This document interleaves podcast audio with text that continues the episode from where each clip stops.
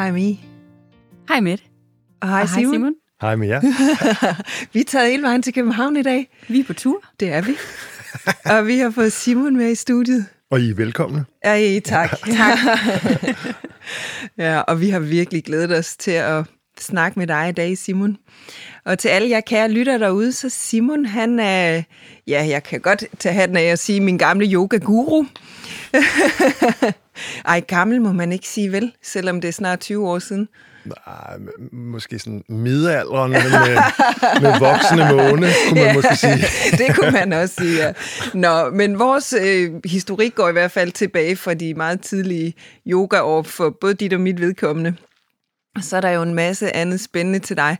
Du har skrevet en masse bøger. Ah, et par to, bøger. To stykker. Et par bøger. Ja. Og den seneste her, Liv og Luft, har vi liggende foran os, Ja. som handler mig rigtig meget om åndedrættet. Så er du yogainstruktør selvfølgelig. Øhm, holder foredrag. Dem holder du en masse af. Det gør jeg. Ja. Og så er du uddannet i filosofi. Mm. Og der var en krølle på den. Nå, det var bare, at, at, Den er at jeg indisk. ligesom var specialiseret i, i indisk filosofi. Ja. Ja. ja, det er jo lidt spændende. Det synes jeg også. Ja, meget. Og en smule utraditionel, kan man sige, herhjemme. Ja, i den grad. Ja, men meget spændende, så det håber vi da at høre en masse mere til her. Da jeg fik min, øh, da jeg fik min, øh, mit, mit øh, kandidatbevis fra studielederen derude, så, så gav han mig det, og så sagde han, og så nu får du det, og så taler vi ikke mere om det. og så spurgte jeg, hvad han mente. Jeg har læst igennem, hvad du har, hvad du har lavet, og jeg, jeg ved slet ikke, hvad du kan. Fordi jeg havde fået lov til at lave så meget med ekstern vejledning, og må jeg tage til Australien et år, og så tage, øh, tage i praktik, og må jeg tage til Indien, og må jeg det ene og det andet. Jeg havde ligesom bare fået lov løbende, men, øh, men det hele var ligesom lidt uden for nummer. Fantastisk. Ja, det var, det var meget, det tror jeg ikke, man kan længere. Men, Nej. øh, Ej, jeg jeg ligesom- sidder helt og tænker, øv, det skulle man da have gjort, Ja, for søren. da altså- muligheden var der. Ja. Men tak, fordi du vil være med i dag. Det er en stor fornøjelse. Ja. Så øh, det vi tænker lidt på at snakke om, det er jo hele det eksistentielle spørgsmål. Øh, både fra øh, måske en indisk filosofisk tankegang, men måske nok også med at koble lidt åndedræt ind over. Det er meget svært for os to at komme udenom åndedrættet. Særligt, når vi har Simon i studiet, tænker jeg. Ja. ja. Så jeg kunne egentlig godt tænke mig sådan at starte med at høre, hvor, det er måske et lidt stort spørgsmål, men hvor ser du egentlig, at, at de to ting fletter sig ind i hinanden? Altså det her med sammenhængen mellem måden, vi trækker vejret på i livet, og så, så vores måde sådan at eksistere på i livet. Jamen altså, det, det helt oplagte sted at, at begynde øh, et, en form for svar på det, det er jo, at, at, at sindet og vejrtrækningen hænger uløseligt sammen. Mm. Og at, at døren svinger begge veje. Så den måde, vi har det på, vil afspejle sig i, i den måde, vi trækker vejret, og, øh, og omvendt den måde, vi trækker vejret på, vil afspejle sig i, hvordan vi har det. Og, øhm, og det betyder jo, at, at, at, at at mange mennesker hurtigt kan blive fanget i en måde at have det på. Fordi der ligesom opstår sådan en, øh, sådan en, en, en, en, en ond cirkel, hvis det er en, hvis det er en dårligt leg. Så man måske starter med at være, være presset over et eller andet, og så trækker man vejret på en anspændt, urolig måde, og det bevarer så den her følelse, grundfølelse af at være presset, og så kører hjulet ellers. Og der er, der kan man sige, der, der er øh, vejrtrækning jo et, et oplagt sted at gribe ind, fordi det er jo det er jo, det er, jo- det er jo forholdsvis konkret, at vi kan gå ind og rent faktisk ændre, hvordan vi trækker vejret. Vi kan jo tage bevidst kontrol over vejrtrækningen, mm. hvor, hvor det der med at, at stå op og tænke, Nå, nu vil jeg ikke længere være deprimeret, eller nu vil jeg ikke længere være stresset, eller noget, det, det er ligesom det, det er sjældent en, en særlig frugtbar vej. øhm, og det var da også sådan, det var i, i altså det, var en, det, det er jo det, der ligger til grund for, at, at, at, at, at vejrtrækningen er blevet brugt altid i Indien. Altså i den, i den indiske yogatradition, fordi det var, det var helt fra start, der, i, i de første, i hvert fald 1500 år af yogatraditionen, der, der, var, der var det jo primært meditativ, øh, en meditativ praksis, det vil sige, det gik ud på, at man ligesom øhm, fandt hjem i sig selv og, øh, og, og fik de her øh, eksistentielle øh, indsigter i meditation. Og, øhm, og yogierne, de fandt jo lynhurtigt ud af, at hvis vejrtrækningen var urolig ja. og anspændt, så kunne de lige så godt droppe at meditere, fordi de, de, de bankede panden, de løb panden mod muren med det samme. Mm. Så på den måde, så de første, øh, i det første øh, lange stykke tid af, af yoga-traditionen, der var, der var vejrtrækningen noget, der på en eller anden måde skulle, man skulle sørge for ikke stod i vejen for meditation. Og det vil sige, at det gik ud på ligesom at, at kultivere en harmonisk vejrtrækning, at kunne sætte vejrtrækningen fri, at kunne lade vejrtrækningen bevæge sig roligt og harmonisk, således at man så kan, kan, kan, kan finde fred indvendigt. Mm. Og det er meget... Øh, det er, meget, det er meget i virkeligheden nok mest den del af vejrtrækningen, som jeg, som jeg selv øh, praktiserer og, og underviser i. For der er jo også nogle andre sider af vejrtrækningen, hvor man kan gå ind og lave en masse spændende ting ved at hyperventilere og holde vejret og gøre alle mulige ting, som jo også virkelig kan, kan, kan sætte gang i, øh, i nogle processer, som også har eksistentiel øh, øh, kvalitet. Men jeg, jeg synes bare, når jeg står nede i supermarkedet og kigger på, hvordan folk trækker vejret, så, øh, så tænker jeg, at det folk i første omgang har mest brug for, det er at lære at give slip på vejrtrækningen, at kunne lade vejrtrækningen flyde frit. Mm. Og når folk så kan det, så er der grønt lys for at begynde at tage kontrol og lege, lege med, med at, at, at trække vejret på alle mulige fede måder. Mm. Ja. Men det handler vel om at være, før man kan gøre. Ja, lige præcis. Ja. Jamen det, og det handler også om, altså, sådan, hvis vi, altså, når man kigger sådan, man kan sige, fysiologisk på det, mm. at, at hvis man går rundt med en, en anspændelse omkring vejrtrækningen, så er den ofte forbundet med en eller anden grundfølelse af kontrol. Mm. At vi ligesom passer på os selv på ja. en eller anden måde, holder styr på noget ved at, ved at trække vejret. Øhm, eller den måde, vi trækker vejret på.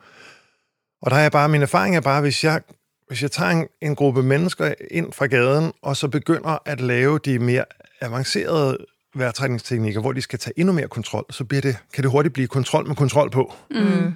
Og så bliver det bare, kan det hurtigt blive endnu mere anspændt. Og der, det er klart, der er nogen, som responderer virkelig godt på det, det er klart, men der vil altså også bare være en anselig del af folk, folkene, som, som, hvor det backfire på en eller anden måde, hvor de bliver mere urolige og mere anspændte, og, og, og, det, øh, og der kan jeg bare se, at jeg har langt større jeg har langt større succes med øh, i min undervisning at starte med at få etableret, at, at bruge længere tid på at lære sin vejrtrækning at kende, at få tillid til vejrtrækningen, kunne mærke den ordentligt, kunne navigere i den, og, og netop sætte den fri. Ikke? Fordi igen, hvis vi leger med ideen om, at vejrtrækning og sindet hænger uløseligt sammen, så er det, hvis du kan sætte din vejrtrækning fri, så er det jo, det er jo dig selv, du sætter fri. Ja. Altså det er jo faktisk, at du, du er i stue med dig selv, mm og, øh, og, og kan slippe kontrollen over, hvordan du har det. Det er altså ret, altså ret fint, og det er ikke bare sådan metaforisk, det er faktisk sådan, det føles. Mm. Jeg ved ikke, om det giver mening, men, men nogle gange, når jeg arbejder med åndedrættet øh, med mine klienter, så, så plejer jeg nogle gange at dele det lidt op i sådan hverdagsåndedrættet, som jeg sådan tænker meget som fundamentet, og jeg hører egentlig lidt, at, at det er sådan meget det, du også beskriver der. Hvad er det, vi sådan, simpelthen skal stå på, for at vi fungerer ja. godt og er frie i vores liv? Og så plejer jeg at tale om det terapeutiske åndedræt, hvor det for mig er der, hvor at jeg arbejder sådan mere dybdegående i en, i en times session, for eksempel, hvor man så går ind og arbejder med alle de følelser, der dukker op undervejs og så videre. Ikke? Men, men giver det for dig mening, og, og på den måde dele det lidt op og sige, der er sådan, hvad er det, vi egentlig gerne vil med åndedrættet, og hvor, hvor er det så hjælpsomt, og hvor er det ikke hjælpsomt, og hvornår skal vi gøre det, hører jeg også meget, du siger, ikke? At der, ja. det er sådan...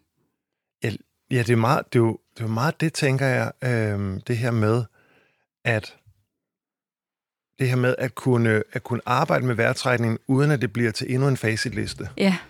Øhm, og så også meget, kan jeg meget godt lide den her idé om, at, at målet jo ikke er, at vi skal ud og trække vejret på en eller anden særlig fin måde, eller yoga måde, eller trække vejret roligt hele tiden.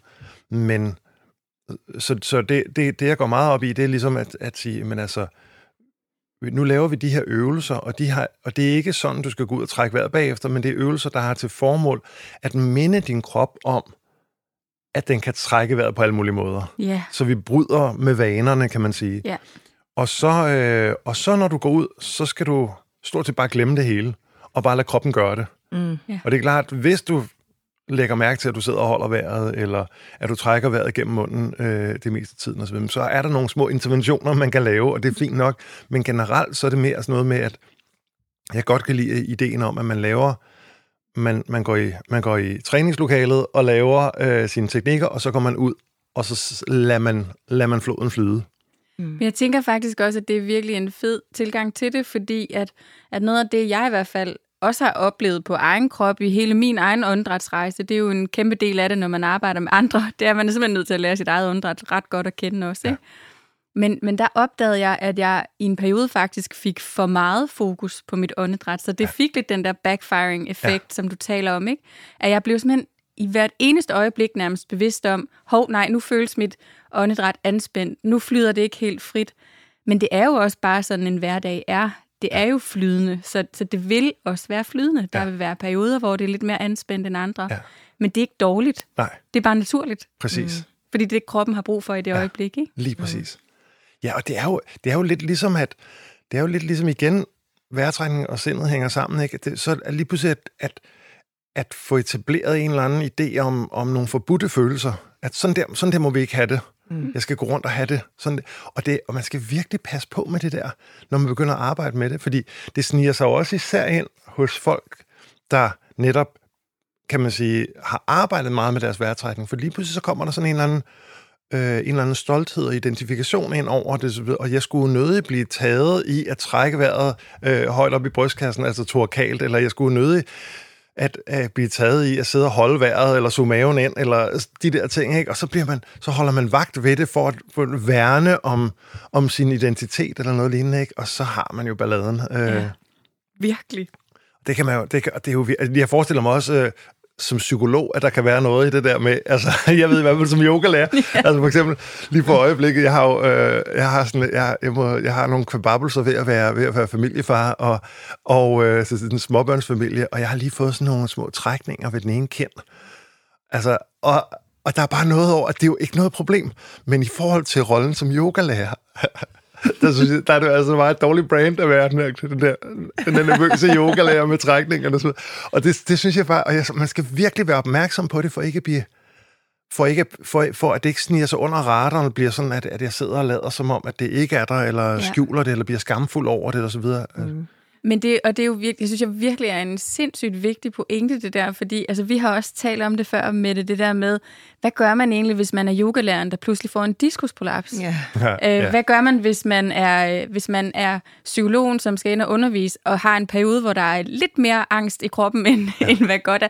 Altså, hvordan håndterer vi de der ting, når vi egentlig selv er i, i særlige roller? Ja. Ikke? Det er jo virkelig, virkelig en ja. vigtig, vigtig snak, og, og vigtigt at få sagt de der ting højt, så ja. vi ikke lander i de der faldgrupper. Ja. Ikke? Mm. Kæmpe det, fælder. Det er så vigtigt. I, uh, i yogafilosofien, der kan man sige, der er der nærmest sådan et, sådan en, en model, der viser, hvordan lidelse opstår. Øhm, og, øh, og det er sådan helt, helt centralt i, i både den hvad man siger, hinduistiske og den buddhistiske yogatradition. Øhm, og og ideen er, øh, en af vinklerne, det er det her med, at, at i samme øjeblik, du identificerer dig med noget, at du identificerer dig med en rolle, så, så vil der opstå en uro, som er forbundet med, at, at, at så snart du identificerer dig med rollen, så er det også muligt, at du eksistentielt kan være en fiasko. Ja.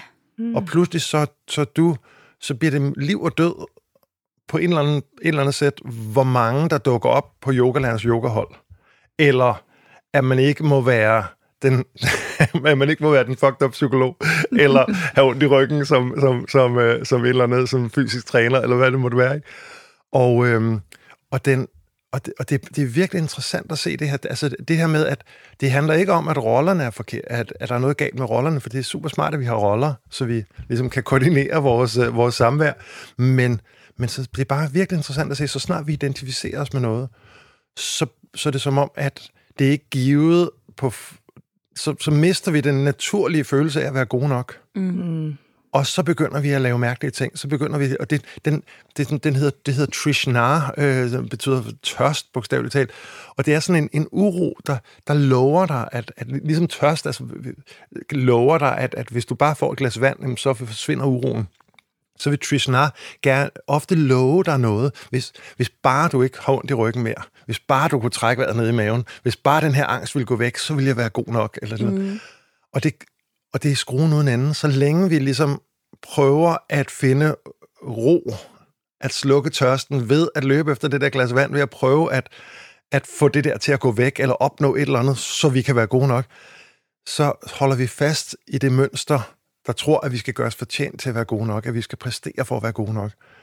Og, øhm, og det er simpelthen et fængsel, som vi lige så godt kan, man lige så godt kan tage tyren ved hornene først som sidst, fordi, altså, med det samme, ikke? fordi det er skruen uden ende. Det er det virkelig, og jeg tror, ja. det er jo interessant, når man kigger sådan rent statistisk på for eksempel sådan noget som udbrændthed, ikke? der ligger psykologer mega højt. Wow.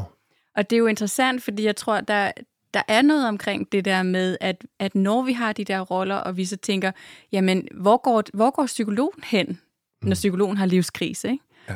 Og kan man så sidde over for et andet menneske og faktisk sige, hvordan man har det, eller kommer man til at pakke det ind på en pænere måde?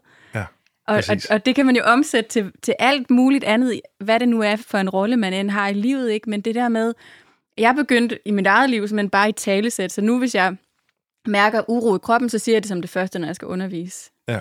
Og fordi at jeg har bare opdaget, at når det er sagt højt, så har det ikke nogen kraft, altså så er der Nej. ikke noget i det mere. Nej. Så er det bare. Ja. Mm. Oplever du så ikke også, at, at det er meget sjældent, at der er nogen, som så kigger skævt til dig af den grund? Tværtimod. Ja, lige præcis, ikke? Så oplever jeg faktisk, at skuldrene falder ned, fordi ja. dem, der så også måske lige har taget sig sammen for at komme den dag, ja. oh, de mærker, at jeg må godt være her. Præcis. Selvom at jeg måske ja. også lige sidder og det her fylder, eller det her fylder. Ja. Mm. Og det er jo noget af det, vi har lige har kørt en hel sæson med sårbarhed, ikke? Som, som jeg jo synes er noget af det, det mest fantastiske, det er jo, når vi kan, uanset hvad vi laver, sætte os selv fri til bare at være, så sætter vi jo også vores krop og vores åndedræt og alt muligt andet fri i den sammenhæng. Ikke? Præcis, ja. Mm. Du skriver det så fint her i din bog. Du skriver om uh, mistillid og tillid. Ja. Altså, hvor det handler om den her uro og vaksomhed, som mm. vi kan have. Mm. Og der er et indisk ord for det, øh, som jeg helt sikkert ikke udtaler rigtigt. Visvasha. Ja, Visvasha. Ja. ja. Prøv lige at fortælle om den. Øhm, jamen, det er, det er jo bare meget, det er meget spændende, øh, det er et meget fantastisk ord, at, at, at, øh, at ordet for, for, for, for tillid, eller selvtillid i virkeligheden også, øhm, øh, Vishvasa, så det, det er et oldindisk ord, så det er sanskrit, øh, hvis vi kigger etymologisk på det, det vil sige, kigger på rødderne af ordet, så betyder det bogstaveligt talt at trække vejret frit. Mm. Og det er, bare, det er jo bare virkelig spændende, ikke? At, at det her med, at man, man kender jo man kender jo den her den der følelse af, at med nogle mennesker, så nu siger du også det der, så sænker, så sænker skuldrene sig. Og, men vi kunne også have sagt, der trækker de vejret frit. Yeah. Pludselig kommer vejrtrækningen ned i maven, fordi her må jeg godt være, her er der plads til, at jeg kan have det, som jeg har det. Her, der, mm. her, er jeg, her, her kan jeg blive rummet. Og, øh, og jeg synes bare, det er så, det er, det er så smukt, øh, det er så smukt, at det er så smukt, når vi på en eller anden måde får kroppen med i de her ting. Altså, fordi jeg kan, jeg kan hurtigt blive sådan lidt med, med bare ord som tillid og mistillid, altså, at det bliver sådan ord, hvor jeg, jeg har lidt svært ved at sådan navigere i det, og jeg kan bare sådan, jamen, jeg har, jeg, jeg, jeg føler vist ikke rigtig tillid nu, tror jeg, men jeg ved ikke rigtigt, det, bliver, det, det er jo på en måde ukonkret og sådan lidt, det bliver sådan en mental størrelse, kan man sige. Mm. Og det der med, når der lige pludselig kommer, kommer krop på det, så bliver det bare så dejligt konkret. Mm. Så det er bare sådan, og så, og så føler jeg mig ikke i samme grad skamfuld over det, sjovt nok. Det, det er mere de der følelser, som på en eller anden måde er svære for mig, at, at jeg får lyst til at skjule, hvor det er mere sådan, ej, hvor sjovt. Øhm, jeg, kan, jeg kan mærke, at min vejrtrækning bliver helt anspændt nu, fordi at, øh, at du spørger mig om det. Og så ligesom, det er, jo ikke, det, er jo, det, er jo ikke, det er jo ikke mig eller min skyld, det er jo bare sådan, kroppen gør det, er jo bare en, en opdagelse, eller på en eller anden måde, sådan, mm. så kan man mm. ligesom tage det op.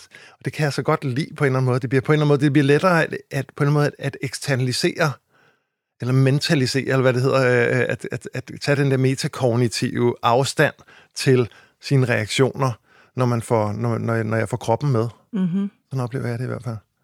Ja, så det bliver en måde på en eller anden måde at tale om at være med det, der kan være svært følelsesmæssigt, ja. men på en enormt konkret ja. og, og let måde. Ja, ja. Jamen, lig, ligesom når man, når man når man taler om, om, om øh, netop, hvor sidder følelsen i kroppen, mm. så, ligesom, så pludselig så er man i gang med at tale om den, ja. om følelsen, og så har man gjort sig i en, gang, en eller anden grad fri af den, eller man har i hvert fald brudt identifikationen med det, Præcis. og pludselig så, så når, man, når det ikke er mig, så er det hverken så troende eller, eller, eller vigtigt, men det bliver heller ikke så skamfuldt eller så sårbart netop.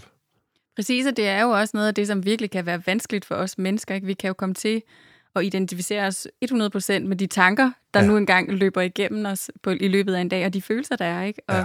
og de er der jo bare ja. i virkeligheden. Ikke? Så, ja. så det er jo også noget af det, jeg oplever rigtig meget, at hvis vi kan få lidt afstand til det at være mere observerende ja. på det, end, end det bliver netop ja. hele mig som person. Ikke? Det bliver det enormt farligt. Ja. Og det er jo også, det er jo også der, hvor, hvor man kan sige, inden for, inden for yoga kan man sige, at, at det er jo det her, yoga handler om. Det er at se, hey, vi farer vildt på den her måde, og det gør alle, indtil de er oplyste buddhaer. Mm. Så er det sådan her, så, det, så, kan man, så kan man i hvert fald bruge den her model til at forklare, hvad det er, der sker, hvordan vi farer vildt. Men det, der jo bare sker for, for, for, for folk, der dyrker yoga, og især os, der underviser i det, det er, og især for os, der har en, en, en økonomisk interesse, eller en kommersiel interesse i at have succes med det, det er, at lige pludselig så, så, så, så begynder vi at lade som om, at vi allerede er buddhaer. Eller vi, vi bliver skamfulde over, at vi ikke allerede er der. Og så lægger vi, så lægger vi låg på det, og skjuler det, der i virkeligheden er udgangspunktet for at forstå teknikkerne, mm. som er det her, det her mønster, som er den, den, den her model, som er os alle sammen et grundvilkår. Og pludselig så virker yogaen ikke. Fordi, teknik, altså fordi ligesom teknikkerne bygger på, at vi skal se de her, den her model i øjnene. Og det er meget, det er meget sjovt, hvordan jeg har lagt mærke til, at det, prøv, prøv, prøv at lægge mærke til, når du, når du hører en yogalærer dele noget vanskeligt, eller noget, noget sårbart, eller noget, noget, noget, noget, noget af det mindre, mindre øh, øh, poleret, så følger historien næsten altid sådan en once I was lost, but now I'm found yeah. strategi, eller øh, øh, øh, sådan en struktur, yeah. ikke? Og det er jo simpelthen bare til at blive så træt af og ked af, ikke? Og, de, og de, jeg tror ikke engang, de fleste af os, vi gør det ikke engang med vilje. Men, men det er simpelthen sådan, der, der kommer altid en eller anden febrilsk krølle på historien om, ligesom, men så indså jeg, mm. at det jo ikke nytter noget at gå rundt, og derfor, og nu er jeg meget mere fri. Ja. Og man kan bare høre på dem, det er som, okay, det var mega autentisk ind til slutningen, hvor du lige skulle fortælle, at nu er du kommet på, ud på den anden side. Ja, ja. Ej, jeg så, vi har talt så tit om det ja. med, at jeg den der. Og jeg faldt selv totalt i fælden, da jeg startede med at lave foredrag. Jeg har lavet et foredrag, der hed Fra patient til psykolog. Der har der man den virkelig, ikke? Ja, ja, ja, ja. Once I was lost, now I'm fine, ja. found. Ja. Men, men efter jeg havde holdt det en gang, så kunne jeg bare mærke, nej, to gange nåede jeg holdt det, og så kunne jeg bare mærke, det her det er simpelthen ikke sandt. Nej. Jeg kunne bare mærke den største uro indeni, fordi jeg havde det sådan, okay, hvad er formålet med det? Det er, at det skal være hjælpsomt for dem, der lytter. Ja. Og, og er der noget, jeg har virkelig sat meget fokus på, det er også derfor, vi to har lavet den her mhm. podcast, mm. så er det, hvad er det, der er fælles for os mennesker? Hvor ja. er det, vi mennesker kæmper? Hvor er det, vi lider? Hvor er det, det er smertefuldt at være ja. menneske? Mm. Og hvor har vi brug for hinanden? Så det, det er ikke hjælpsomt, Nej. det der med. Og så fandt jeg, for det gør man jo ikke, livet leves jo hele vejen igennem, ja. så kriser opstår jo på alle mulige tidspunkter. Ja. Så der er jo ikke det der før og efter. Nej, nej, nej, nej lige præcis. Vi er jo bare mennesker. Præcis. Mm. og det er også det her, altså det er også, det er også at, at man kommer hurtigt til at, altså det, det, det som den indiske filosofi også viser, det er det her med, at, at lidelsen, øh, at den, den, det er ikke, vi tænker jo lidelse som noget kausalt betinget. Det vil sige årsag-virkning. Mm. Jeg lider, fordi jeg har ondt i knæet, eller jeg lider, fordi et eller andet, min chef er en idiot, eller hvad det nu måtte være. Jeg lider, fordi jeg har de der møgeunger, eller hvad fanden det måtte være. Og, og, så, og så er det jo oplagt, at, at hvis du tænker det som noget, som noget øh, kausalt, øh, så er der jo en måde for lidelsen til at gå væk, og det er ved at fjerne årsagen. Mm. Angsten skal gå væk. Mm. Børnene skal i institution. Det, det, de må ikke være syge længere. Og så videre. Og, og det, som øh, yogafilosofien peger på, det er, at, at det ikke der største delen af lidelsen øh, opstår. Lidelsen opstår, pri, den primære del af den menneskelige lidelse opstår i relation til virkeligheden. Det vil sige i vores modvilje, i vores aversion, i vores, i vores øh, når vi er ude af harmoni ved virkeligheden, når vi tager kvælertag med livet, eller bryder, bryder med, med livet. Og der er det bare meget interessant at se, at så længe man tænker kausalt, folk tænker netop kausalt om det her, og det vil sige, at, at at når folk kommer og siger, jeg har det her problem, fordi jeg har, jeg, har, jeg døjer med angst, for eksempel klassikeren, ikke? og så, så kommer de til en, og det, de vil bede en om, det er at få det til at gå væk. Mm. Og der står man med sine, med sine gode teknikker og så videre, og man vil gerne have jobbet, og man vil gerne hjælpe, og så kan man falde i fælden, og så gå med på den der kausale retorik, Mm. Hvor, hvor, øh, hvor man, skal, man skal have, så have lidt is i maven og være klar til, at de finder en anden psykolog eller en anden, øh, en anden, øh, en anden yogalærer, når man starter med at sige, først og fremmest skal du, skal du vide, at, at det kommer nok aldrig til at gå væk. Præcis. Præcis. Det kommer til at komme og gå og så videre, men, og de teknikker, vi laver, kom, handler ikke om, at det, vi skal få det til at gå væk. Det handler om, at vi skal kunne være i stue med det. Ja. Og vi skal, vi skal holde op med, vi skal slutte fred med det, vi skal være, være, være venlige over for det. Mm. Og hvis man tænker kausalt over det, så er det jo fuldstændig vanvittigt. Og der, øh, ja, og der, der tænker jeg bare, det, det, det, det kræver virkelig, at man har, at man har tungen i munden. Og det er også derfor, at, at det, og det er jo vigtigt for os alle sammen, men, men, men når man har at gøre med, med, med et, et fag som, som mit, som, som yogalærer, hvor, hvor det er det, der er aktivstoffet i den, kan man sige, i den spirituelle rejse, det er Mhm. at slutte fred med virkeligheden, så er det jo, så er det jo simpelthen, så er det jo, så er det jo, så er det jo nærmest tragisk, at udgangspunktet er, at man begynder at lægge låg på. Mm. hvordan man selv har det. ja. Fordi det er jo bare sådan, det er jo det stik modsatte af, hvad, hvad, hvad hele traditionen har på hjerte. Ikke? Hvor jeg tænker snarere, at yogalæreren et eller andet sted, jeg bruger ikke det ord selv tit, men bør være den første til at stille sig op og sige, hey, skal vi lige tage en runde om, hvordan vi, hvordan vi er fucked op hver især? Nu skal I høre, sådan her er jeg fucked op. Ja. ja. Fordi det er bare sådan, der er jo ikke noget... Altså i virkeligheden, der er jo ikke noget skamfuldt over at være, over at være, over at være lidt ude at skide. Det er bare sådan, hvordan er du ude at skide? Fordi Ja. ja. selvfølgelig er vi ude at skide alle sammen, men hvordan, Præcis. hvordan altså, prøv lige at tænke på, hvordan vi er skabt som mennesker. Ikke? Vi er ude. Ja, ja. dig? Men altså, Men livet kommer og går jo, det er i virkeligheden det hele vores podcast handler om, ikke? Livet kommer og går. Hvordan håndterer du det? ja. Mm. Og så tror jeg virkelig, vi har, også, vi har faktisk haft rigtig mange samtaler. Jeg er ikke sikker på, at vi har talt om det i podcasten før, men det der med, at, at der er jo i virkeligheden et ret stort opgør, ikke med både inden for yogaverdenen, men jo også hele vores samfund, sådan som jeg ser det i hvert fald, er bygget op på det her med, har vi et problem, så skal det fikses. Mm. Ja. Og, og vi kan bare ikke omsætte det på samme måde, når det handler om sådan vores grundvilkår, vores, vores eksistentielle vilkår som menneske. Nej. Det er simpelthen ikke muligt. Vi kan ikke fikse os ud af angsten. Det er slet ikke meningen. Altså, så, så det der med at finde ud af, hvor, hvor er det egentlig os, der måske øhm, er nogle gaver i, at vi kan give plads til de menneskelige sider. Ikke? ja. Hvor er det, vi, vi måske kan møde hinanden faktisk på et dybere plan, ved netop at være tilladende. Ja. Ja. Ved at dele, hvor er du fucked op i dag.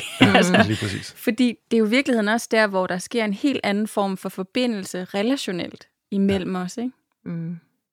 Det er jo også det er noget af det, som jeg ser som... Altså, jeg, altså som sagt, så synes jeg faktisk, det er virkelig, virkelig hårdt at være i en børnefamilie øh, med små børn. Altså virkelig hårdt. Og, og noget af det, jeg faktisk synes er rigtig hårdt, det er det der med, at jeg lige pludselig er, er ham den vrede far. Ja. Og jeg lige pludselig er ham der, øh, ham der den, den, den, sure, den sure kæreste. Mm. Og, øh, og der er simpelthen et, et, en identitet, eller sådan en eller anden rolle, som den der, den der overskuds yoga som bare krakelerer for vildt. Ja. Mm. Og der synes jeg, det er så, altså, der synes jeg, det er så spændende, og jeg synes, det er så smukt et eller andet. Og i virkeligheden vil jeg faktisk gå så langt til at sige, virkelig romantisk, at være sammen, at jeg er sammen med en kvinde, som, som rummer mig alligevel. Ja. Mm. Altså det der med at være et sted, fordi ellers i, i alle andre sammenhæng, så ville jeg jo bare være skrevet, før at det blev så grimt. Ja. Men her, det her med at opleve, at, at nu er det æderspark med grimt, og du bliver der. Mm. ja. Åh, det er vildt. Nu sidder jeg for faktisk lidt tår i øjnene, at bare sige det, fordi Ja. jeg synes, det er så... Altså, hvor, hvor ofte så har man jo, har jeg i hvert fald haft den der sådan, ideen om, om, om romantik, men så er det jo sådan et, nærmest sådan et meget poleret billede, og nogle sterinlys, og det, er, mm. og det er virkelig frækt, og der er i hvert fald ikke nogen børn, der skriger i baggrunden, og, så videre, og, man er, og man er ret cool selv, og så videre. Ja. Og så bare se, hvordan der, hvor der virkelig... Eller et, altså, at der kan være så meget hul igennem, når man, når man på en eller anden måde bare er den der flossede, vingeskudte, grimme udgave af sig selv, Ja. og den anden bliver der og er der for en, og, og kigger på en med, med omsorg. Ja. Åh, Ja, er det, stærkt. er da kærlighed. ah, det er stærkt, det synes jeg altså. Ja. Wow, det bliver din næste bog, Simon. Den sande kærlighed. Hvor grim den ser ud. ja, ja. Ja. Ej, det er virkelig smukt, Simon. Ja.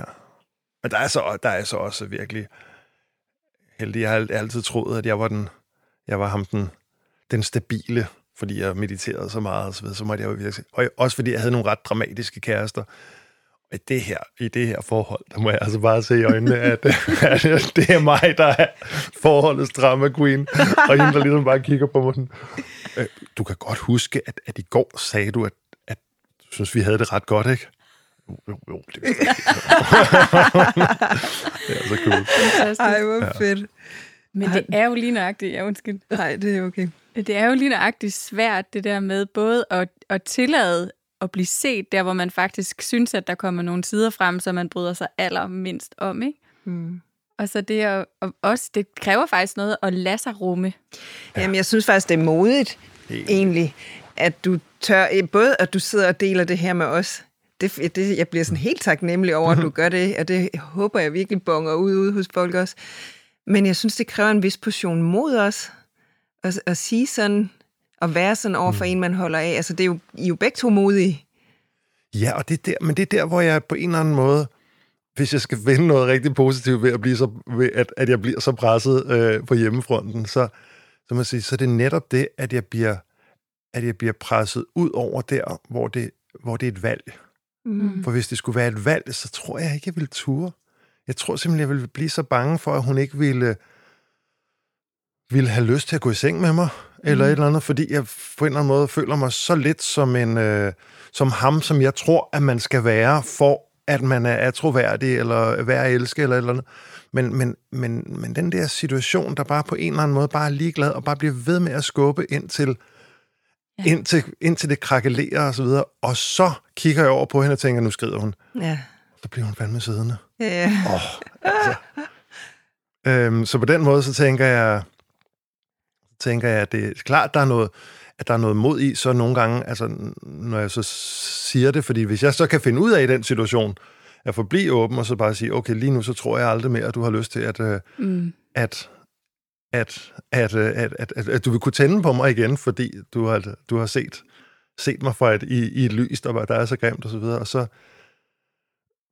og så, så, så, er det klart, så bliver det også lettere for hende at rumme, fordi, fordi jeg ikke udlever min, mm. Mm. min skamfuldhed, eller min, min aversion, eller eller andet. Men, men jeg tænker, jeg ved ikke, jeg føler, mig, jeg føler mig faktisk ikke så frygtelig modig i det der. Nej. Nej, men det synes jeg da, det er. Og så synes jeg, det passer meget godt til det, du skriver her omkring tillid og mistillid. Altså, Mm. det skaber jo virkelig tillid, Ja. at hun kan rumme dig i de grimmeste situationer. Ja. Og det er da sikkert også et håb om, at når hun viser sin grimmeste side, at du så er der også, ikke? Ja. Eller et håb, det ved jeg ikke. Måske det er bare hendes natur at være sådan. Det kan jo også være. Jeg tror, jeg tror i høj grad, det er hendes natur. Mm, At hun ikke er så, hun er ikke er så dramatisk anlagt, og hun ligesom bare sådan, nå jamen, sådan er det jo bare lige nu. ja, præcis. Ja. Og så driver Ja. det over. Ja, det er det, og så, så tænker jeg, der er jo, der er jo virkelig noget, noget læring i det der med netop at, at tillade, som du sagde så fint lige før, det der med at i virkeligheden give plads til at forblive åben. Når det så er opstået, og når vi ja. er der, så, så er der ligesom de to veje. Ikke? Vi kan gå med det skamfulde, og den del, der rammer os der. Au, jeg har ikke lyst til at være den her person, jeg har ikke lyst til at blive vred, jeg har ikke lyst til... Ja. Ja. Så kan vi sådan ligesom trække os ind i os selv og afskærme os fra Ja. ja. dem, vi egentlig elsker, ikke? fordi Ja. ja. vi bliver ramt af skammen og de følelser, der kan være svære der. Eller vi kan forblive åben. Og Ja. der opstår måske et valg, ikke? Ja. At sige, jeg vælger faktisk at forblive åben og være i dialogen, blive rummet, være Ja. ja. her sammen. Men jeg synes, det er interessant, at du føler, at du ikke er værd at elske, hvis du har den side. Det, det sidder der sådan lige og tænker over. At, at Ja. Det, Men, men jeg tænker, hvis vi går tilbage til den indiske filosofi, bare for at, øh, for at jeg lige kan få en, en, en pause fra, øh, fra, mm. fra at være helt nøgen. Nej, mm. men man kan altid, man kan altid, øh, man kan altid øh, jeg kan altid dække mig lidt, øh, søge dækning bag sanskrit-begreber. Så Mhm. altså er det jo de her, igen, de her, de her roller, jeg identificerer mig med at være den her mand. mm, Og, og Clara, altså min kone hedder, hun, hun faldt for mig, eller blev forelsket i mig, i en sammenhæng, hvor jeg var den her yoga-lærer. mm, Og det vil sige, det er bare meget, det er bare meget let at så sige, jamen altså for at jeg skal være en succes mm. som, som Klares mand, jamen så er der altså nogle ting, jeg skal på en eller anden måde have styr på, så skal jeg, så skal jeg præstere i den her rolle. Og når pludselig jeg gør det stik modsatte, jamen så, øh, så er det jo ligesom, så, så er det jo i, det er jo i kraft af rollen, Klares mand, der skal være på sådan og sådan, at jeg tænker, at jeg ikke vil være værd at, at, øh, at elske, Mm. når jeg lige pludselig viser, at, at, at, at, at, øh, at, at det kunne jeg ikke leve op til, at det kunne jeg ikke, øh, det, jeg kunne ikke præstere det, jeg troede, jeg skulle præstere. Mm. Men det er klart, når, når der så kommer, altså jeg kender det jo, jeg kender det jo så super, og det er, det er jo så sjovt, det er så asymmetrisk, fordi når jeg snakker med en person, og vedkommende lægger kortene på bordet, og det, og det sker på den der åbne og ærlige måde, jamen, jeg, jeg kender jo ikke nogen, jeg ikke, jeg ikke på en eller anden måde knuselsker i det øjeblik. Nej, Altså, altså, præcis. Der, man, præcis. det, det er som om, der bare sker den der helt instinktive, jamen, jamen, jamen kom dog her, Ja, kom her, kom her. Mm. Jeg holder Altså, af dig. Ja, jeg holder af dig, jeg, jeg skal nok passe på dig, ikke? Ja. Altså, Ja, præcis. Altså, hvis man, hvis man, jeg, jeg får ofte sådan den der oplevelse med, nogle gange med, med, med altså, mm, nogle gange, når jeg, når jeg arbejder med, øh, har arbejdet med folk på retreat, så det er kommet blevet meget, meget, på en måde meget sårbart, hvor jeg sådan nærmest sådan en eller anden fornemmelse af, at jeg har fundet et, at jeg har fundet et barn, der er et glemt barn, der sidder bag et legehus, er gemt og, og, og bange og alene, sidder og græder, ikke? Mm. Den der følelse af bare at vide, at jeg bliver her, og jeg passer på dig, Mm. og det er lige meget, hvor lang tid det tager. Den der kæmpe kraftfuldhed, ja. der er, er forbundet i Der er det. Og, og, den, det, og, det, og det, er jo ikke, det er jo ikke noget, man skal vælge. Det er noget, der sker spontant. Ja, Ja. præcis. Og det er vildt, at det er så asymmetrisk, at på en eller anden måde, så bliver man, på nogle måder, så bliver man virkelig let at elske, når man, når man gør det. Ja. Men følelsen, Ja. når man åbner op, er bare, at nu åbner jeg op, og Ja. så vil du have mig. Ja. Og det er stik mod, det, det er så asymmetrisk som Ja. noget. ikke? Det er som om, at Tion bare ikke falder. Nej. Altså, vi, som om vi ikke, aldrig tror på det. Sådan, okay, det gik godt den her gang, men næste gang, Ja. Der skal, må jeg hellere holde på kortene. Ja. Det er simpelthen så sjovt, fordi Brené, jeg er ved at- læse Brené Browns nye bog, som hedder Atlas of the Heart. Og hun skriver faktisk noget så fint, så fint. Hun skriver, at sårbarhed er noget, er noget af det første, vi, se, vi kigger efter og leder efter i andre mennesker, men det er det sidste, vi vil vise ved os selv. Ja. Og jeg synes faktisk, det er sådan en fin ja. beskrivelse af det, ikke? Fordi det er jo lige præcis sådan, det er. Vi leder efter de der samhørigheden med et andet menneske, men når det så kommer om at skulle vise vores eget indre Ja. mørke, Ja. ja. Ja, den er værd, ikke? Ja. ja. Jeg synes, det er så fint sagt. Ja. det er rigtigt. Og det er også derfor, jeg tror, at, at der er sådan nogle, der er sådan nogle, øh, der er sådan nogle meget definerende oplevelser, som på en eller anden måde, altså de, de, de første gange, man som barn, eller som ung for eksempel, når, bare det der med, at når man, første gang, at man prøver at, at date, eller skal have en kæreste, og sådan, hvordan det går der, ikke? Mm. For det er bare så kajtet, det er så sårbart, ikke? Og, hvis det, og, og hvor man bare kan se, hvor meget, hvor, øh, hvordan det bare kan præge os, ligesom, okay, jeg har nu lært lektien, jeg skal aldrig mere åbne mig igen. Ja. Eller sådan, altså, hvor, hvor, kan vi, hvor er det vildt, ikke? Ja, det kan være så Ja. skældsættende Ja. at præge et andet menneskes liv, resten af det liv, ikke? Ja. Åh, det er så sårbart. Jeg har en Ja. teenage-datter, som er lige på kanten af det der. Jeg kan sådan næsten helt mærke den inde i det, du sidder og fortæller det, at lige om lidt tager hun det der kæmpe store skridt ud på månen, og så Ja.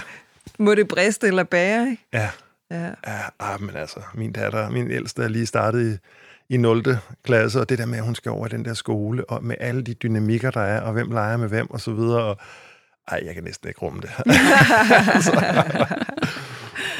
Ej, og de bliver så stærke af det? Mm. Og lærer at blive sig selv, uden at vi skal føre dem. Det er jo det, jeg synes, der er ja. så smukt, når man ser dem vokse op, at de er helt sig selv, mm. ikke? Og kan, de kan alting selv, ja. og man behøver faktisk slet ikke at styre dem. De kan så meget. Ja, ja. Ja.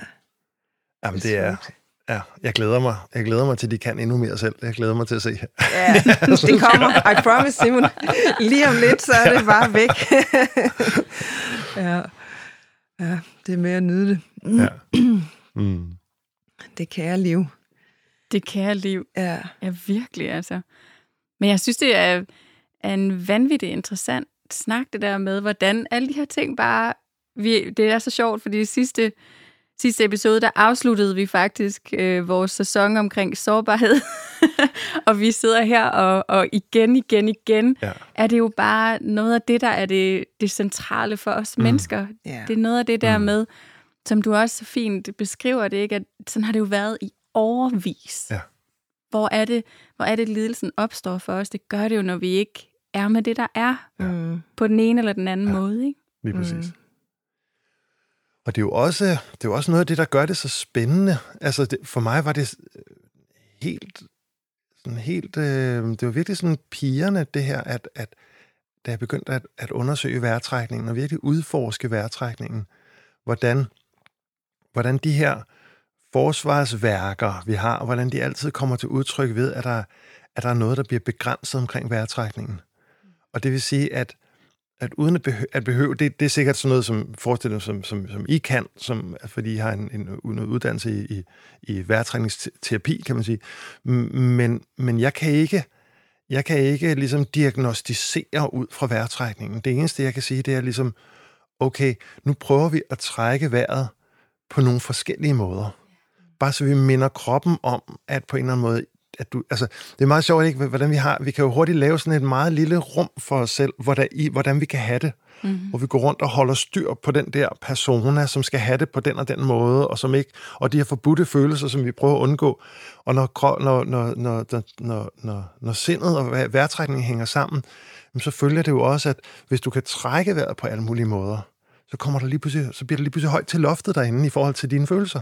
Ja, Pludselig er der plads til, at du kan have det større udsving og større følelser, og, og når du både, altså i min, i min vejrtrækningspraksis, så er det, at jeg skal lige ud og hyperventilere. Jeg skal lige holde vejret, så jeg, så jeg mærker, hvordan, hvordan noget, der opstår noget, noget hypoventilation, altså noget, noget, noget, noget, en, en ophobning af koldioxid, og jeg skal lige trække vejret helt langsomt, og jeg skal trække vejret hurtigt, overfladisk, dybt, have, have, og have sat gang i de forskellige vejrtrækningsmuskler. Mm. Øhm, bare lige for at have været der. Ja.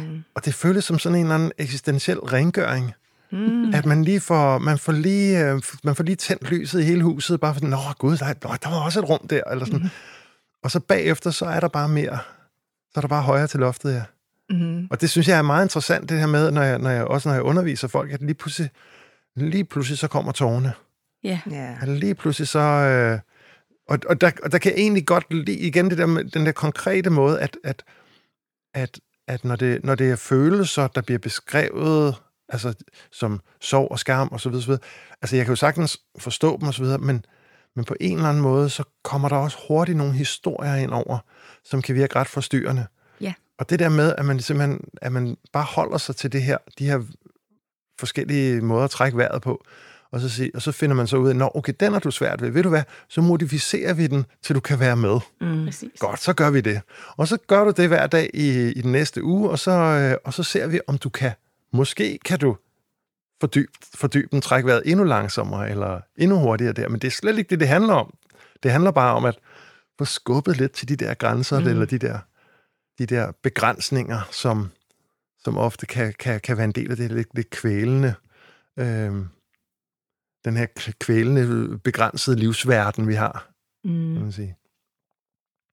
Og det havde jeg slet ikke set med vejrtrækning, fordi jeg synes, at vejrtrækning i så høj grad har været taget til fange i sådan en eller anden optimeringsretorik, hvor det handlede om at, at kunne præstere mere, øh, øh, når, så at idrætsfolk kunne præstere mere, og man kunne holde vejret længere under vand, og, mm. og, ligesom, og, og nu kan du få styr på nerverne mm. gennem den her vejrtrækningsteknik og så videre, hvor det, ligesom, det her, det her, den her, den her anden tilgang, som netop er, hey, du kan simpelthen, du kan få mere plads til at have det, kan man sige. Det ja. synes jeg er ret fantastisk. Det er ret fantastisk. Mm. handler ret meget om nysgerrighed. Ja. I virkeligheden. Ja. At være nysgerrig på sig selv, Ja. og på andre i vores tilfælde, når vi bruger det som et arbejdsværktøj. Og ture at være nysgerrig. Ja. Hvad sker der, hvis jeg går ud? Hvad, hvis jeg tænder lyset i det her rum, Ja. apropos? Ja. Hvad gemmer der sig herinde? Nå, der var ikke en skid. Okay. Præcis. Nå, Ja. så... Ja, og det er jo også det der, når det, kommer, når det handler om vejrtrækningen, så er det jo, så er det jo, så elsker jeg, det er så uforudsigeligt. Altså det her med, at vejrtrækningen både bliver, både bliver reguleret øh, af nogle, af nogle hvad kan man sige, forudsigelige øh, øh, neurale øh, baner, som som, hvor det er på en eller anden måde lidt som digitalt, kunne man sige, etter og nuller. Altså mm. det er forudsigeligt, at hvis du trækker vejret sådan, jamen, så påvirker det dig sådan. Mm. Men at det også i høj grad går omkring amygdala. Mm. Og det vil sige, bygger på dit unikke bagkatalog af erfaringer og associationer. Og, og, det, bare, og det gør bare, at, at det er så individuelt, hvordan det lander. Lige hvad for en situation bliver, bliver den form for vejrtrækning associeret med. Mm. Og, øhm, og, og, der, og der, der, der, der er der noget meget... Øhm, netop, nu siger du nysgerrig, men der er også noget... Jeg, jeg føler mig også... Øh, jeg kan føle mig ret usikker øh, som yogalærer, øh, når jeg begynder med de der ting med vejrtrækning. Men, men, men øh, som jeg har fået mere erfaring, så bliver det mere bare ydmyg. Mm. Fordi jeg kommer her med noget, som ofte virker på den og den måde. Men er der en ting, jeg kan vide, så er det, hvis jeg har en stor, en stor gruppe mennesker, så kommer det ikke til at lande sådan hos alle. Nej. Der er altid nogen, hvor det vil lande på den diametralt modsatte måde. Ja. Og det giver sådan en eller anden ydmyghed omkring, at, man, at den der træfsikkerhed, altså det er kun et, det, det er kun et spørgsmål om, det er kun sandsynligheder, Ja. vi tager, opererer med. Ikke? Ja, det Ja. findes simpelthen ikke, Nej, Nej. den der garanti. Ej. Sådan Nej. er det hos alle. Nej. ja. Og det synes jeg altså er ret fedt. Ja. Det der med at komme ind og så sige, jeg vil 100% stå på mål for de her teknikker, men vi skal lige huske, at det, det primære er, at du mærker efter. Ja. Det primære er, at hvis du mærker, at det her, at hvis din krop siger, det her er for meget, eller det bliver ubehageligt, så, så skal du lytte til det, mm. og ikke til, til, hvad jeg siger. Mm. Ja, lige præcis. Også fordi der jo, der jo i kroppen bare er sindssygt meget hukommelse, så noget af det, som jeg også taler meget med Mette om, det er også, at nu har jeg jo selvfølgelig mit psykologperspektiv med ind i det, men noget af det, som jeg har savnet tit, det har også været den der opmærksomhed på, at mennesker er forskellige. Det er også forskelligt, hvad vi for eksempel har med os som traume. Ja. Øh, forskellige traumeoplevelser, ikke? Og, og sådan, så når jeg kigger på et, et åndedræt, som har været udsat for meget voldsomme traumer, måske også komplekse traumer over lang tid, så kan man altså ikke nødvendigvis bare lige kaste folk ind Nej. Nej. i hvilken som helst åndedrætsteknik, fordi det kan være ekstremt voldsomt. Ja. Mm. Så, ja. så den der, jeg synes, det er så fin en måde at, at beskrive det på, det der med virkelig at have en omsorg over for, jamen det er for, vi er forskellige alle sammen, og det virker for rigtig mange, men for nogen, der er der noget andet, der skal til, og det er okay at nedjustere. Det er okay at justere på øvelserne, sådan, så det er rart, trygt Ja. at være i kroppen, fordi Ja. ja. det er jo i virkeligheden det, det handler om, ikke at lære at skabe tillid til, Præcis, at der er ja. okay at bo der. Ja. Mm. ja, det er sjovt.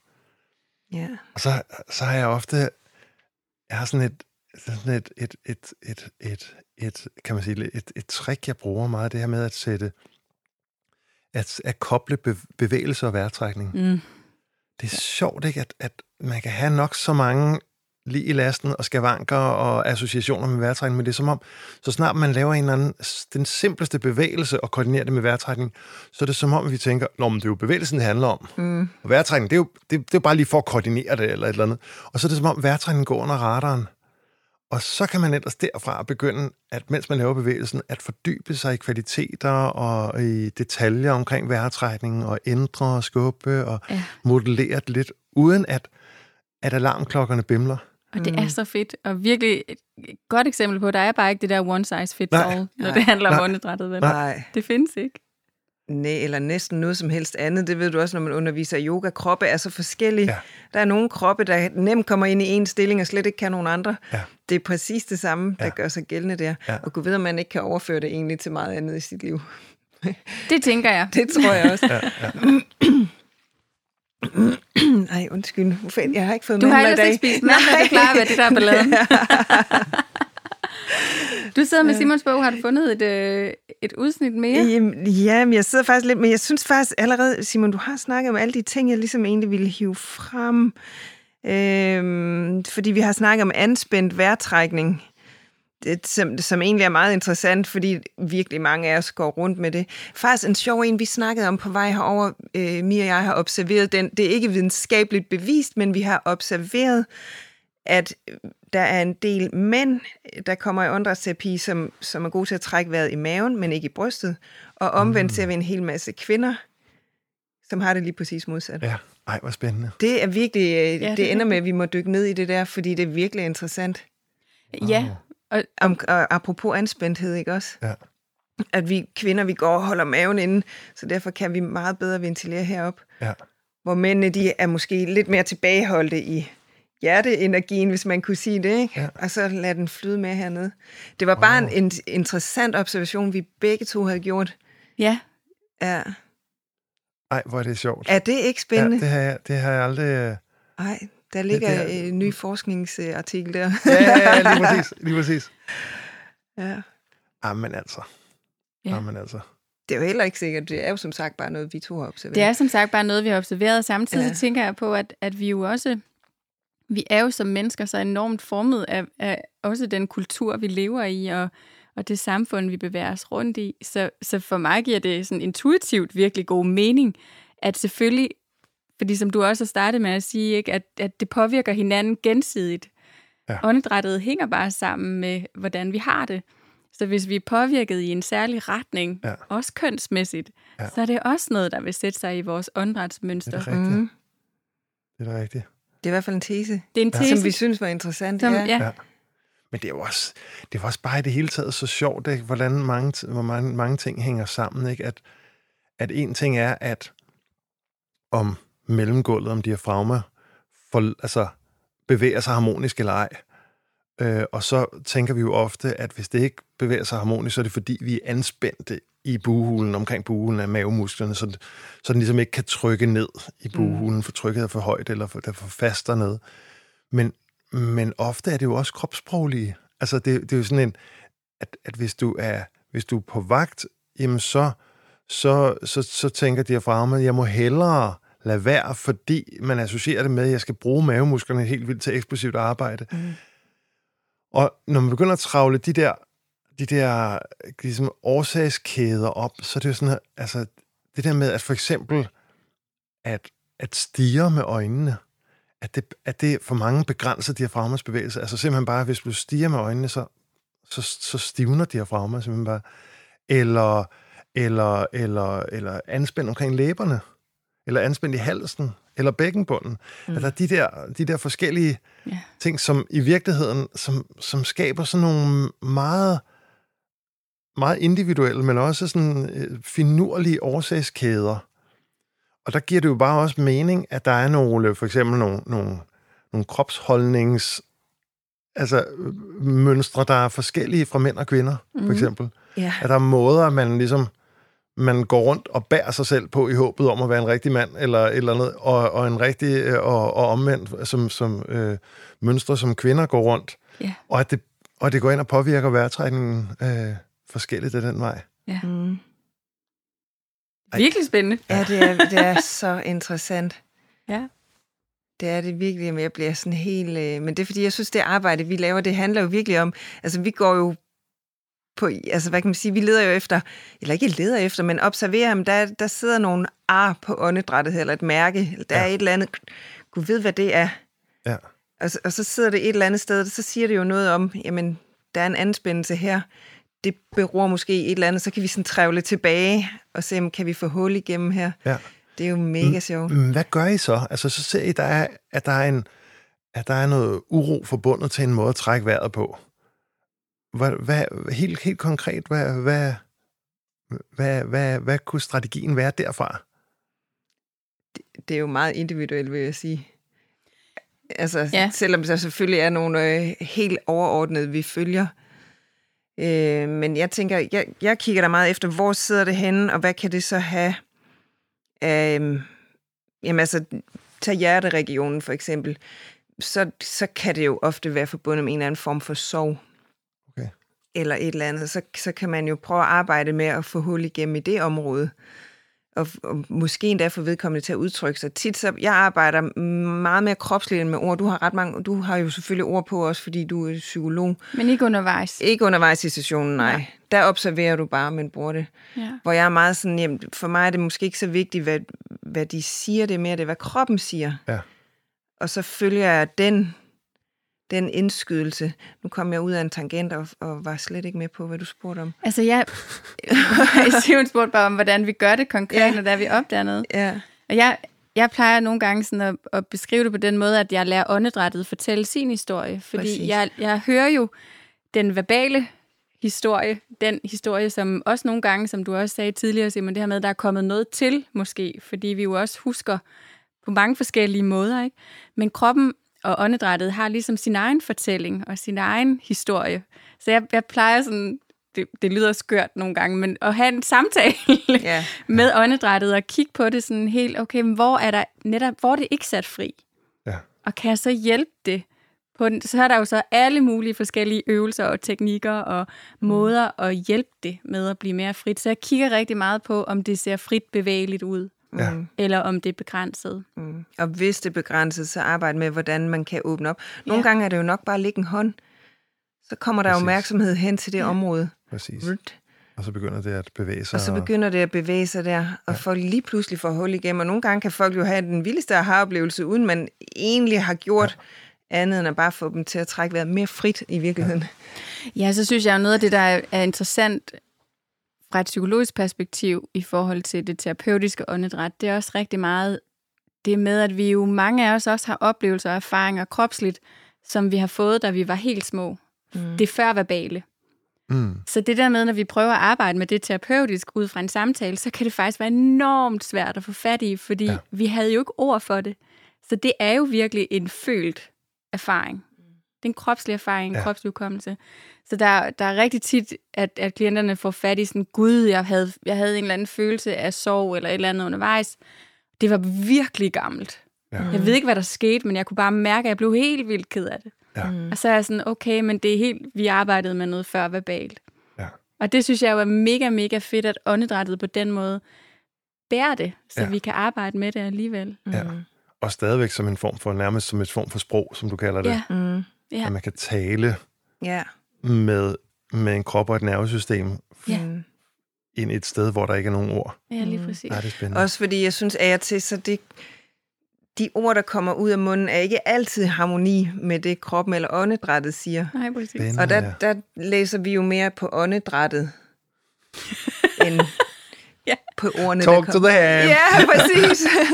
Men det er jo mega spændende. Det er det der. Særligt, når der er inkongruens, ja. ikke også? Ja. Fordi så ved man også godt, så skal man lige være lidt varsom og finde en, Ja. en mild vej derinde. Ikke? Præcis. Men jeg synes meget af åndedræts, øh, åndedrætsarbejdet handler jo også om, lidt ligesom du skriver i den her et sted, at det er lidt ligesom at, at gå til whiskysmagning. Ja. Ja. Altså egentlig at åbne folks øjne for nuancerne i Ja. ens eget åndedræt. Ja. Og, og blive guidet lidt i, jamen, hvordan, hvordan føles det her? Ja. Og lige så stille vække kroppen i virkeligheden. Ja, og det er jo også så vildt, ikke? At, at at det, er jo, det er jo ikke det er, jo- det er jo ikke rocket science. Altså, det er jo ikke... Mhm. Det er jo ikke altså, det, nogle gange så, så, så... Når vi først får øjnene op for, hvor brutalt vi står i vejen for vores vejrtrækning, så, så det, nå, nu suger jeg maven ind igen. Mm. Okay, det prøver jeg lige at slippe en gang. Og så kan man bare mærke, hold da op, nu kører den. Ja. Og det der med de der små, mærkelige vaner, som vi har, men som vi ikke kan gøre noget ved, fordi vi ikke er opmærksom på dem, fordi vi ikke kan mærke dem. Mm. Og det er virkelig interessant, det der med, at bare, at jeg, jeg oplever virkelig igen og igen, at bare det der med at blive opmærksom på sin vejrtrækning, at kunne, kunne fornemme, hvad der foregår, og hvordan det foregår, og kunne navigere i, hvor vi er henne i vejrtrækningen osv., jamen så, så kan man se, gud, jeg gør jo sådan hele tiden. Mm. Og set i bagspejlet, så, så, så, så vil man sådan tænke, hvordan har jeg, hvor lang tid har jeg gjort det? Hvor længe har jeg gjort det? Det, det er jo helt vanvittigt, at jeg har gået rundt og træk, trukket vejret på den måde. Men det er som om, vi, vi, vi ved det bare ikke, selvom det er der hele tiden. Og det er jo det samme med nogle af de, de nuancer, man får til en, til en whisky-smagning. Men altså, det hele smager bare meget af whisky. Ja, Øh, præcis. Ind, indtil vi ved noget om det, ikke? Øh, Og så er det jo først, når vi så lærer lærer noget om det, man lige pludselig får øjnene op for, gud, den der smager jo virkelig, virkelig dårligt. Ja. Men den der, hold da op, hvor er den spændende. Og, Ja. altså, Ja. Præcis. og, det, og der, der elsker jeg det der med, at, at, at i virkeligheden også netop, øh, altså det jeg jo gjorde på, på de der kurser, som sagt, det var, øh, det var, jeg ændrede min stru- strukturen fra, at jeg, at jeg hoppede på hovedet i nogle af de der mere forcerede vejrtrækningsteknikker, og så arbejdede med, med det meget øh, med at sætte fri og observere og en masse undersøgelser, hvor jeg faktisk kunne se, at bare det havde faktisk en, en, en, en vældig stor effekt på folk. Ja. Og, og, og, og, og også, og nok mest spændende, at det var det, der som regel gav den største blivende effekt bagefter. At når Ja. jeg så spørger folk, møder dem på gaden et år efter, eller, eller andet, til, til et ku- kursus et år efter, eller eller andet, sådan spørger, hvad, hvad, hvad, hvad, hvad kan du huske nu? Jamen det var, det gik op for mig, at jeg gjorde sådan og sådan, og da, det, da jeg først opdagede det, så holdt jeg op med at gøre det, og det har bare givet mig en helt anderledes måde at, Ja. Mm. at, at, øh, at, at, at, at have det på en anden ro. Eller, det er meget spændende. Præcis. Det er sindssygt spændende. Det er de der små dagligdags ting, som vi bliver ved med at Ja. gentage igen og igen og Ja, ja, ja. igen og igen. Det Ja. er klart, det er dem, der vil ende med at trække det store læs. Ja. Men det er sjældent dem, vi tyr til Ja. til at starte med, vel? Det er meget interessant. Ja, og så, og, og så samtidig det der med, at vejrtrækningen har det der ry for bare at være udveksling af ilt og koldioxid. Ja. altså, jeg kan huske, dengang jeg fortalte min far, at jeg skulle undervise en, et 50-timers kursus som vejrtrækning. Altså, han slog jo en skraldlatter op. Ja. og så, så sagde han, at han, han ville måske kunne tale i 20 sekunder om vejrtrækningen, og så ville han løbe tør for noget at sige. Præcis. Ja. Men det bliver så interessant, når man dykker ned i det. Ja. Og nu har vi snart dykket i en hel time, så jeg tænker, at vi skal til at runde af. Ja, men vi skal lige huske det meget vigtige spørgsmål. Det er nemlig den. Det er jo, så måske jeg skal starte med at spørge dig, Mette. Hvad tager du med hjem fra i dag? Oh, hvad tager jeg med hjem fra i dag? Først og fremmest, så synes jeg, det var enormt behageligt øhm, at sidde her og snakke så dejligt frit mm. om vejrtrækningen. Øhm, hvad tager jeg med hjem i dag?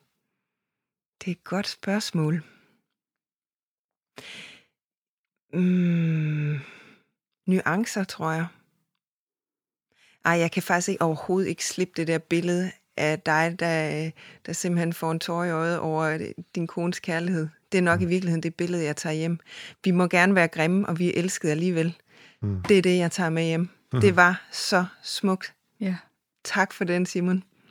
Ja, tak, og tak, tak Clara. Derhjemme. Ja, præcis. Tak til Clara. ja. ja. Hvad tager du med, Simon? Jamen altså, der er, der var en, øh, den, ting, øh, den ting, du, Mie, sagde med, hvad var det, du sagde, at du citerede, øh, sårbarhed er det første, vi kigger efter hos andre, men det sidste, vi ønsker at vise, eller noget i den, ja. den stil. Det synes jeg bare var en, øh, jeg synes, det er, det er en meget, meget, meget fin måde at sige det på, og så, så elsker jeg på en eller anden måde de der simple formuleringer af noget, som hurtigt kan blive ret komplekst. Der kan komme mange ord i det, og den der, det er sådan, den destillerer, destillerer noget, noget, noget stort og omfattende til en, til, øh, til en, enkelt, en enkelt sætning. Øh, så den, den vil jeg helt klart gå hjem og, og skrive ned. Mm. Ja. Dejligt. Ja. Brené Brown, hun kan det der med virkelig at gøre noget enormt komplekst. Jeg ved ikke, om det er, fordi hun, hun er kvalitativ forsker, så hun sidder med helt enormt ja. mange udsagn, okay. ja. og så kan hun lige få det skrællet ind til sådan en ja. sætning, man kan huske. Det er virkelig ja. ret vidunderligt. Ja, det er imponerende. Hvad tager du med, Mi? Jamen, jeg tager også øh, virkelig det her med, at, at hvor er det bare vigtigt, at vi igen og igen får i tale sat, uanset hvilken rolle det nu er, vi navigerer i i vores daglige liv, om det er som yogalærer eller psykolog, eller hvad vi nu end måtte lave derude, at det er vigtigt, at vi også taler om, hvor er det, vi kan havne i nogle fælder, så vi faktisk får sat os selv ind i et sådan begrænsende tag på en eller anden måde, så vi, vi lever meget mindre frit, fordi vi tror, vi skal leve op til noget særligt. Mm. Så det er vigtigt at få talt sammen, få sagt de der ting højt. Ja.